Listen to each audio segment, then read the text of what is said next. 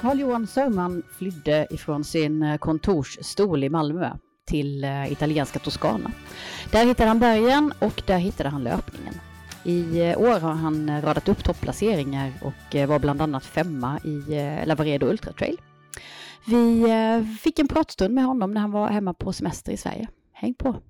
Jag har fått äran att komma hem till Carl-Johan Sörman i Skepparkroken utanför Ängelholm. Är det Karl Johan eller är det Charlie förresten? Eh, Charles brukar jag kalla mig. Charles till och med? Mm, Okej. Okay. Karl Johan är så långt. Precis. Ja, vi eh, sitter som sagt i Skepparkroken. Eh, havsnära utanför mm. Ängelholm i Skåne. Är detta hemtrakter eller varför är du här? Ja, det här är ju mitt föräldrahem där jag vi flyttade hit när jag var tre år gammal och så är jag, jag är uppvuxen här helt enkelt. Men bor inte här. Nej, du bor i Italien. Ja. Berätta, varför då?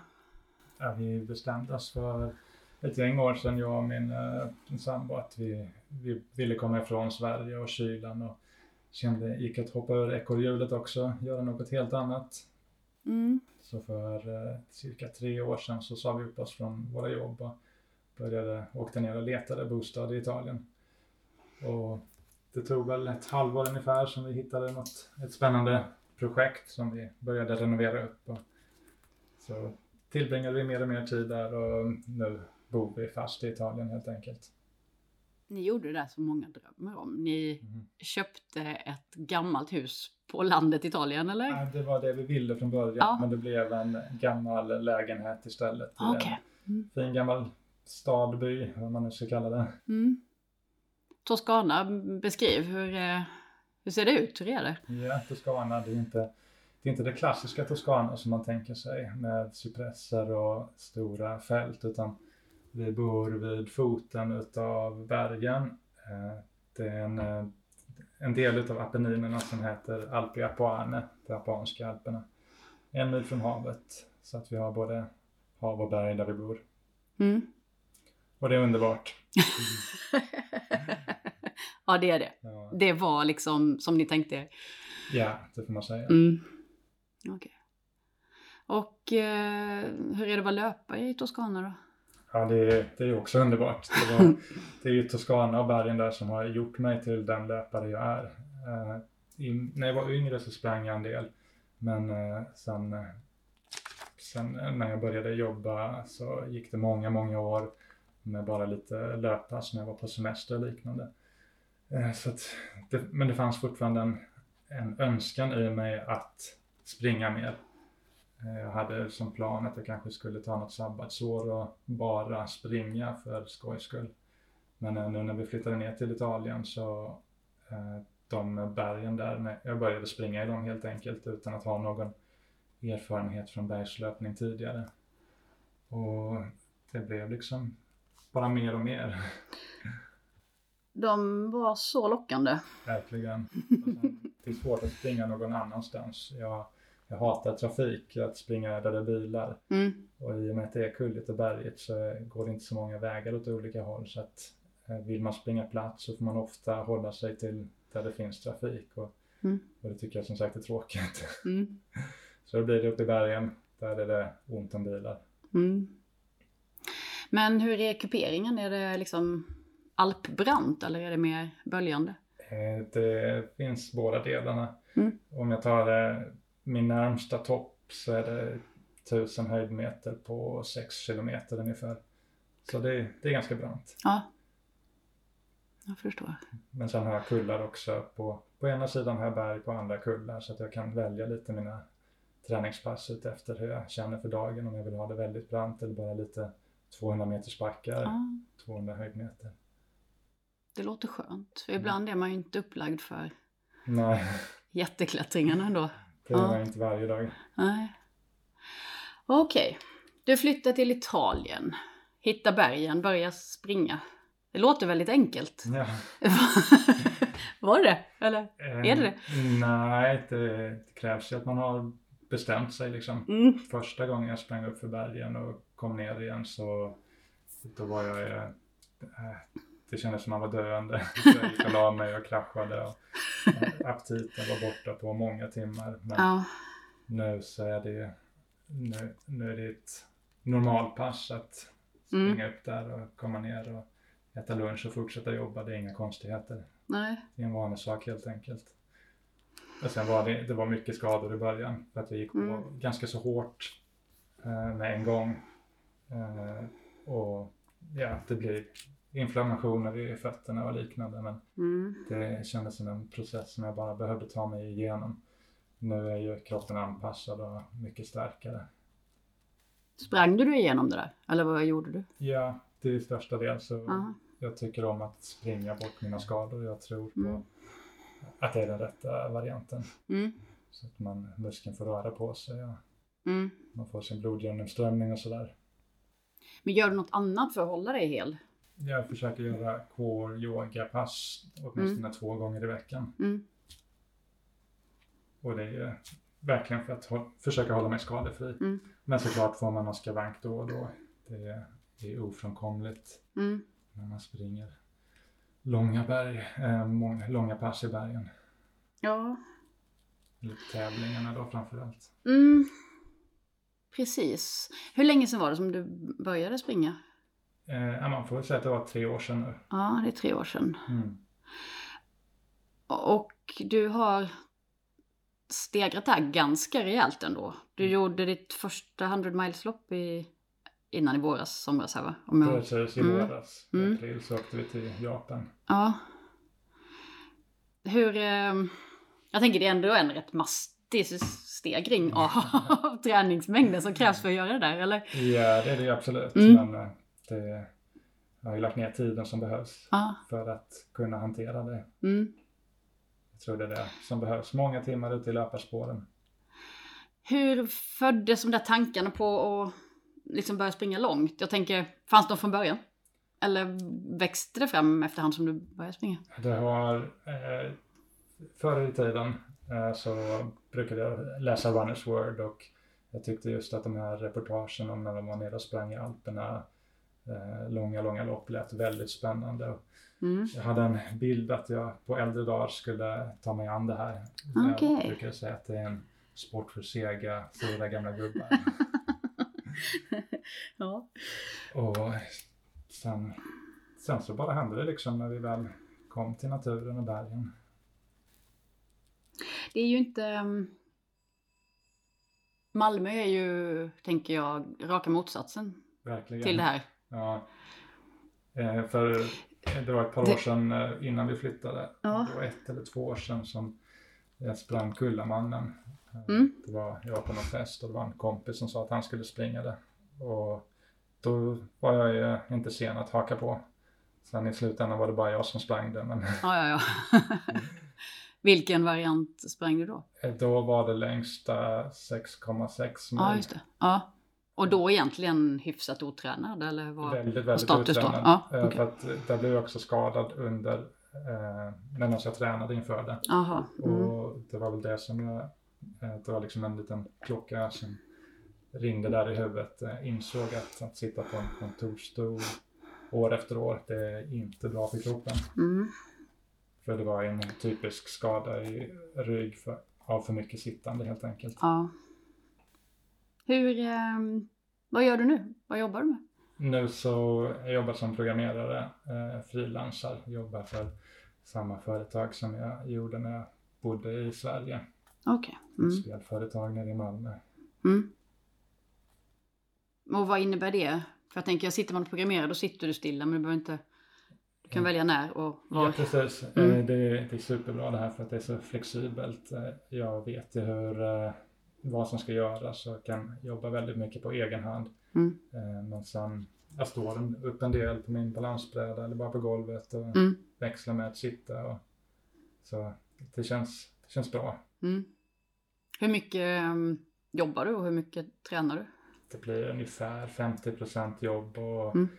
eh, inte riktigt 50% löpning men 15 timmar i veckan brukar det bli i spåren, Mm. löparspåren. Mm. Hur, eh, vad liksom... Hur lägger du upp träningen? Eh, jag kör mycket på magkänsla och dagsform. Mm. Eh, ja, det blir... Jag tycker, om, jag, jag tycker det är roligast att springa i bergen och kullarna. Bara köra på. Mm. Väldigt lite intervaller. Mm. Försöker helt enkelt få in så många höjdmeter och mil jag kan utan att det blir plågsamt. Mm. Och det, det är en eh, metod som jag tycker funkar superbra. Eh, Mm. Jag, sprang, jag har sprungit ett mil och på en halvmara i år också. Mm. Platt asfalt och helt enkelt med tider som jag är väldigt nöjd med. Med tanke på att jag verkligen inte har tränat platt eller sprungit intervaller och så. Nej. Nej, för de distanserna brukar man ju säga att det krävs eh, en del fartträning. Precis. Men det är, eh, vad är förklaringen då tror du? Alltså, att springa i backarna. det- Ja. För det första så ger det ju väldigt mycket muskler. Mm. Och jag får ju, det är så mycket anaerob träning som jag får i mig. Mm. Eh, som, det, det ger ju effekten att man transporterar bort laktaten snabbt. Mm. Mm. Men eh, det, var, det var förvånande tider även för mig själv. Ja. Milen var på 32 och halvmaran på 1.10 ungefär. Mm. Men det är roligt att springa dem någon gång då och då också, benchmarka och se hur man utvecklas där. Ja, jag tänkte just fråga, för då var du tvungen att möta asfalt. Precis. Men det funkar med benen, du dör inte i låren eller något när du Nej, absolut springer inte. asfalt? Nej. Jag har inga problem med asfalt. Nej. Eh, Jag vet att det är många som just klagar över att de tycker asfaltslöpning är tuff Mm. eh, för benen. Men Mm. jag tror, eh, jag, la, jag såg över mitt löpsteg ordentligt när jag blev skadad och inför min träning för Kullamannen. Ja, så jag okej. känner att Mm. jag har ett väldigt skonsamt löpsteg. Mm. Hur gjorde du då? Eh, Jag läste på helt enkelt. Ja. Tidigare så använde jag också post-running, vilket jag det är inte det, jag ser inte det som det rätta löpsteget men ändå någonstans på rätt väg att man Mm. inte ska dra i med hälen först. Mm.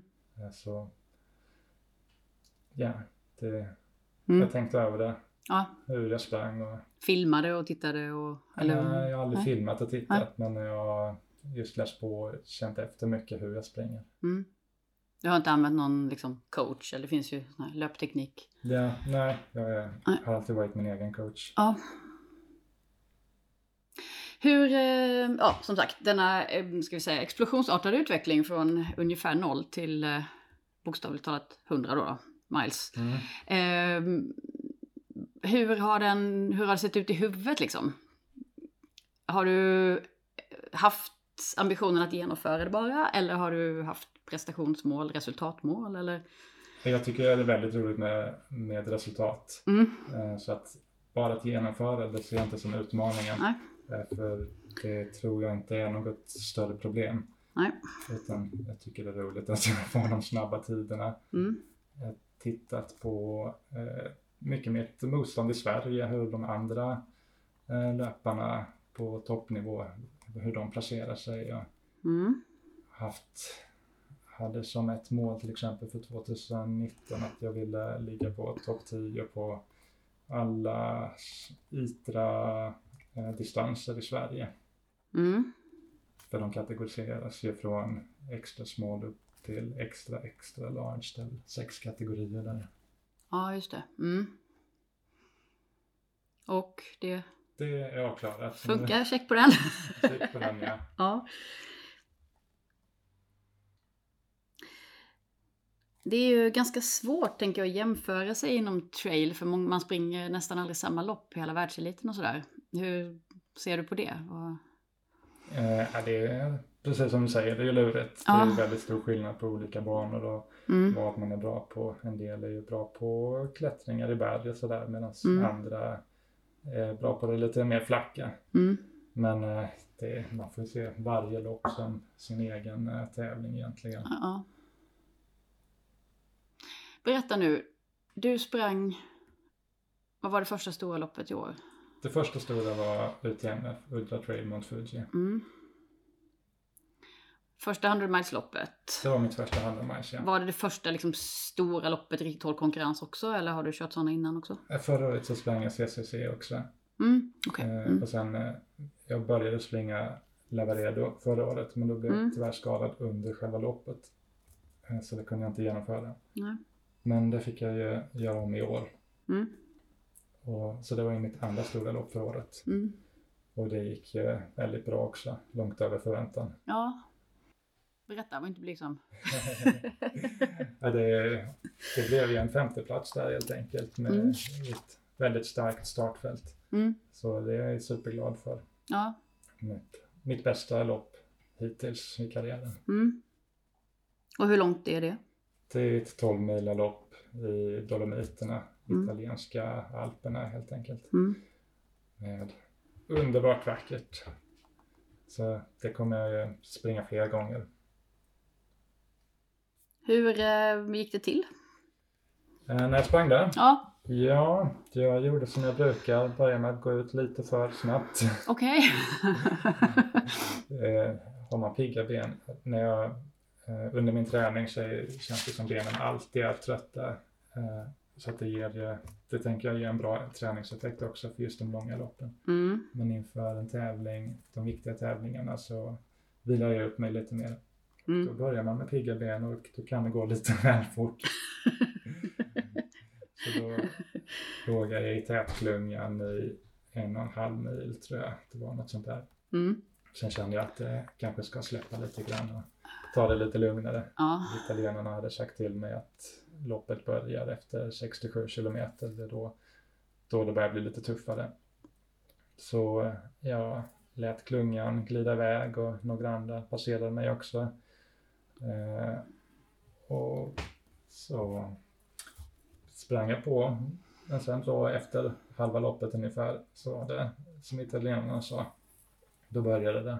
Eh, Mm. började springa om människor igen. Det är för att klättringen börjar på allvar då, eller? Ja, det är väl både det och att eh, folk är lite slitna om de har kört för hårt på eh, Mm. första halvan. Mm.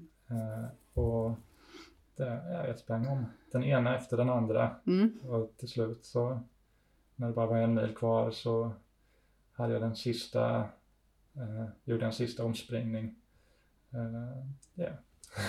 Tryckte på riktigt hårt eftersom Ja. jag visste att jag hade han i ryggen Mm. och kom in på min femte plats. Mm. Skön känsla. Det var mycket skönt. Hur jobbar du med dig själv under ett lopp mentalt? Eh, ja du, det... För jag antar att du inte är bara pigg och glad hela tiden, eller? Nej, det kan man inte vara. Nej. det är lite upp och ner. Ja. Men eh, det är liksom bara att köra och trycka på allt som man kan och Mm. Tänka eh, på diverse saker som kan få en att springa snabbare. Mm. Men du, är du fokuserad på liksom här och nu, löptekniken? Eller hur? eh, Jag tror att jag är ganska fokuserad på mig Ja. själv och mycket Mm. inne i huvudet. Mm. Eh, det, det är ju som sagt väldigt fina vyer och sådär men man Ja. hinner inte ta in allting som man vill men definitivt en hel del. Mm. Eh, men, och sen märker man när man träffar andra människor vid uh, aid station och liknande då man har lite svårt att kommunicera med dem för att man är så Ja. inne i sig själv. Och Mm. det, ja, man springer ensam nästan hela tiden också, brukar jag göra, vilket Mm. jag tycker bäst om att göra också. Mm. Eh, Det är skönt när man har blivit av med de andra löparna. Så jag just kan fokusera på min egen löpning och Mm. inte antingen dras med eller eh, sackas ner av, utav någon annan. Nej, precis. Hur ser förberedelserna ut inför ett sånt här lopp då?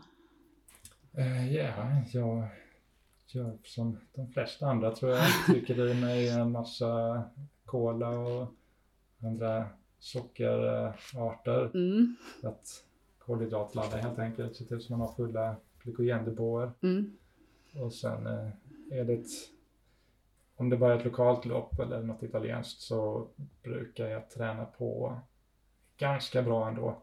Mm. Eh, men de två sista dagarna så tar jag det lite lugnare. Mm. Men är det då ett av mina fokuslopp så blir det mindre träning under veckan. Mm. Men det, ja, det är sista veckan som du drar ner på träningen då? Ja, Mm. jag brukar ligga på ganska bra eh, så länge jag kan. Mm. Jag försöker tänka lite långsiktigt att har jag för stora eh, perioder när jag vilar mig inför lopp så tappar jag för mycket träning inför kommande lopp. Ja. Och mentalt, hur eh, laddar du? Eh, alltså nu känner jag mig, när jag har sprungit så pass många lopp så att jag känner Ja. inte att jag behöver ladda så mycket mentalt. Nej. Förr i tiden så kanske det var att jag tittade på någon film som kanske kunde inspirera mig lite extra på något Mm. sätt. Någon bra film helt enkelt Ja. som, som berörde mig. Mm. Men det är inget, alltså jag tänker, det gör ju ont. Utgår jag från. Någon gång under loppet är Ja, det visst. inte trevligt. Du behöver inte så här ha memorerat in vad du ska säga till dig själv då, utan det där finns Eh, Det finns det. lagrat. Ja. Ja, jag har min, eh, mitt klassiska knep. Det är att helt enkelt bara räkna mina andetag. Ja. Upp till 100 och sen ner till noll igen. Ah, okej. Det använder jag ofta just när det blir riktigt, riktigt tungt. Men Mm. det, det vill man ju helst spara till slutet. Mm. Om man håller på så i mitten på loppet då har man gått ut för hårt. Din eh, familj, Mm. springer de också? Min dotter springer lite grann. Hon är åtta år. Mm. Eh, Hon är med i fri- friidrottsklubben i Camaiore där vi bor. Mm. Men eh, ja, min partner hon springer någon enstaka gång då och då. Hon har ambitionen men haft pro- problem med ett knä i många år. Ah, okej. Mm. Eh, Fast jag tror att löpningen kan vara lösningen till hennes knäproblem. Mm. Mm. Eh, Men det går ju åt rätt håll för henne. Mm. Hon sprang sin, sin andra mil i livet häromdagen. så- Ja, vad härligt. Ja. Mm. Men hänger de med ut och supportar dig på loppen eller hur? Ja, visst, Mm. de brukar, eh, de är mitt crew. Ja. Så att de eh, loppen där man eh, får langning så hjälper de till. Mm. Så i Japan till exempel så var ju de med och eh, gav mig gels och vätska jag behövde. På vid aid stations och Lavaredo så var jag med på alla de tre aid stations som man fick ha hjälp Mm. på också. Okej. Ja. Och det är värdefullt. Mm. Och så är det såklart jättetrevligt att få sällskap och de, vi får alla se nya spännande platser. Mm. Hur är traillöpningen i Italien? Alltså är det mm, lätt att bara sticka ut i skogen och bergen och springa? Finns det leder? Och... Där vi bor så finns det ganska bra med leder, Mm. utmärkta leder. Mm. Eh, Så att eh, jag, jag använder en kartapp helt enkelt. Där jag hittar bra leder och stigar. Okej. Mm. Är det inga problem med allemansrätt och sånt på dem då? Utan det är okej? Det är, det är helt okej. Markägare? Ja. Eller ja, allemansrätt. Den finns ju inte i Italien men jag menar just det att man får, Ja, man får ja. springa. Mm. Det får man göra. Ja, Det är mm. som sagt utmärkta leder och Mm. förvandring och liknande. Ja, just det. Mm. Är traillöpning stort i Italien? Ja, det skulle jag absolut säga. Mm. Nu så har jag inte så bra koll på traillöpningen i Sverige men jag upplever att den är mycket större i Italien. Ja. Eh, Det är gott om lokala lopp Mm. och det känns som att det kommer många människor till eventsen också. Mm. Tävlar du med någon klubb eller tränare eller någonting? Eller? Jag har en klubb, det, Mm. det måste man ha för att få springa eh, Okej, loppen i Italien helt enkelt. Mm. Men eh, den är en bit bort så att jag, jag träffar dem nästan aldrig. Nej, okej. Så det funkar inte sådär att man tränar ihop och åker på läger och sånt? Utan inte de, riktigt... de gör ju det. de gör det? Ja, Ja, okej. Mm. Fast jag känner, jag är inte, jag är inte riktigt inne i, i klubben på det sättet. Nej. Tyvärr. Mm. Det hade varit roligt. Men jag har ett par andra eh, löpare kring mig som är ganska starka och duktiga som jag Mm, springer okej. någon gång med då och då. Mm. Mm. Hur ser eh, målsättningen ut nu? Du har gjort ett superbra lopp i, eh, på Lavaredo. Vad händer framöver under året? Ja, nu är det CCC som är nästa fokus helt enkelt. Mm. Eh, då från Courmayeur till eh, Chamonix som Mm. är lillebror till UTMB och Precis. som jag sprang förra året också. Mm. Eh, och jag, jag kände att jag ville, förra året kom jag på 39 plats, men jag skulle vilja göra det loppet bättre. Och Mm. sen tänker jag att jag går på UTMB nästa år. Ja. Och nu har jag ju också fått eh, Mont Fuji som en, eh, ett lite lättare lopp än UTMB men med samma sträcka. Ja. Så att jag har känt på sträckan innan. Mm. Så det, det är väl den kortsiktiga målsättningen att Mm. få en bra placering på CCC. Mm. Men det är ett otroligt starkt startfält i år. Har du någon slags eh, placeringsmål eller? I topp 20 vill jag ju väldigt gärna hamna Ja. på. Eh, Så det är väl ett, där går min gräns för vad jag kommer att bli nöjd med. Mm. Men det, det tror jag att jag ska klara av om, om jag känner mig, Mm. om jag känner mig frisk och fin i kroppen. Så. Ja, precis. Och nu har du tuggat Hallandsåsen upp och ner här ett tag, så nu är du Jag topptränad. tyvärr inte. Jag har sprungit längs kusten här. Ja, okej. Väldigt, väldigt platt. Ja. Få höjdmeter. Men jag ser det lite som att eh, juli månad när jag är hemma i Sverige. Det Mm. är lite utav en eh, vilomånad. Mm. Eh, Jag, jag tar inte så lång vintervila. Utan det blir mer en, en sommarvila. Mm. Ja, det var en fråga jag hade. Hur eh, tränar du på vintern? Du springer året runt. Ja, Ni har inga snöproblem, så att säga. nej, det, det kan snöa upp i bergen men det är bara roligt att få springa upp där och springa lite snö. Mm. Åker du skidor? Eh, nej, eller ja nej. jag åker gärna skidor men det brukar inte bli av helt enkelt. Nej. Okej. Ha, har du ägnat dig åt någon annan idrott innan du började med löpningen? Eh, I min ungdom så styrketränade jag en hel del. Så att, och då, då tror jag att jag lärde mig mycket om träning. Ja. Eh, och sprang en del då samtidigt också. Mm. Eh, jag var även utbytesstudent i USA ett år och då körde jag löpning och då hade vi coach där. Ja, Okej. Eh, Mm. Så där känner jag att jag också fick i mig en del kunskap. Mm. Och sen läser jag väldigt mycket också om, om träning. Mm. Så ett träningsintresse har jag alltid haft. Mm. Men den här tävlingsmänniskan eh, människan då? Var eh, den också alltid funnits där eller, eller har den vaknat? Nej, Den har nog eh, någonstans funnits där. Jag har alltid Ja. tyckt att det är roligt med tävlingar och Mm. utmaningar. Mm. Hur eh, återhämtar du efter sådana här lopp? Långa lopp tänker jag nu. Ja, eh, det är ju bara att äta och dricka så mycket man kan. Och Ja. sen, eh, jag brukar göra tvärtom mot många som då tar en veckas vila. Jag kommer gärna ut i löpspåret så fort som möjligt. Mm. Eh, Gärna dagen efter eller två dagar efter senast. Mm. Med såklart lite lättare pass i början. Men Mm. jag ser ju löpningen som eh, aktiv återhämtning. Mm. Äter du på något speciellt sätt? Eh, inte, inte mer än att jag äter medvetet. Mm. Jag äter inte kött. Eh, så att, eh, det, äter liksom så mycket jag kan och så bra jag kan i form av grönsaker och liknande. Mm. Eh, men sen drar jag också i mig min dagliga Snickers och sådär när jag tränar hårt för att få i mig mina kalorier som jag behöver. Mm. För det är något jag också tror att för att hålla sig skadefri så får man inte hålla igen på maten utan det gäller Nej. att allting finns i kroppen för att, för att den ska kunna bygga upp sig. Du bor ju i kanske världens matland nummer ett eller två, beroende på vad fransmännen tycker. Men, Eh, men eh, hur eh, speglar det mathållningen?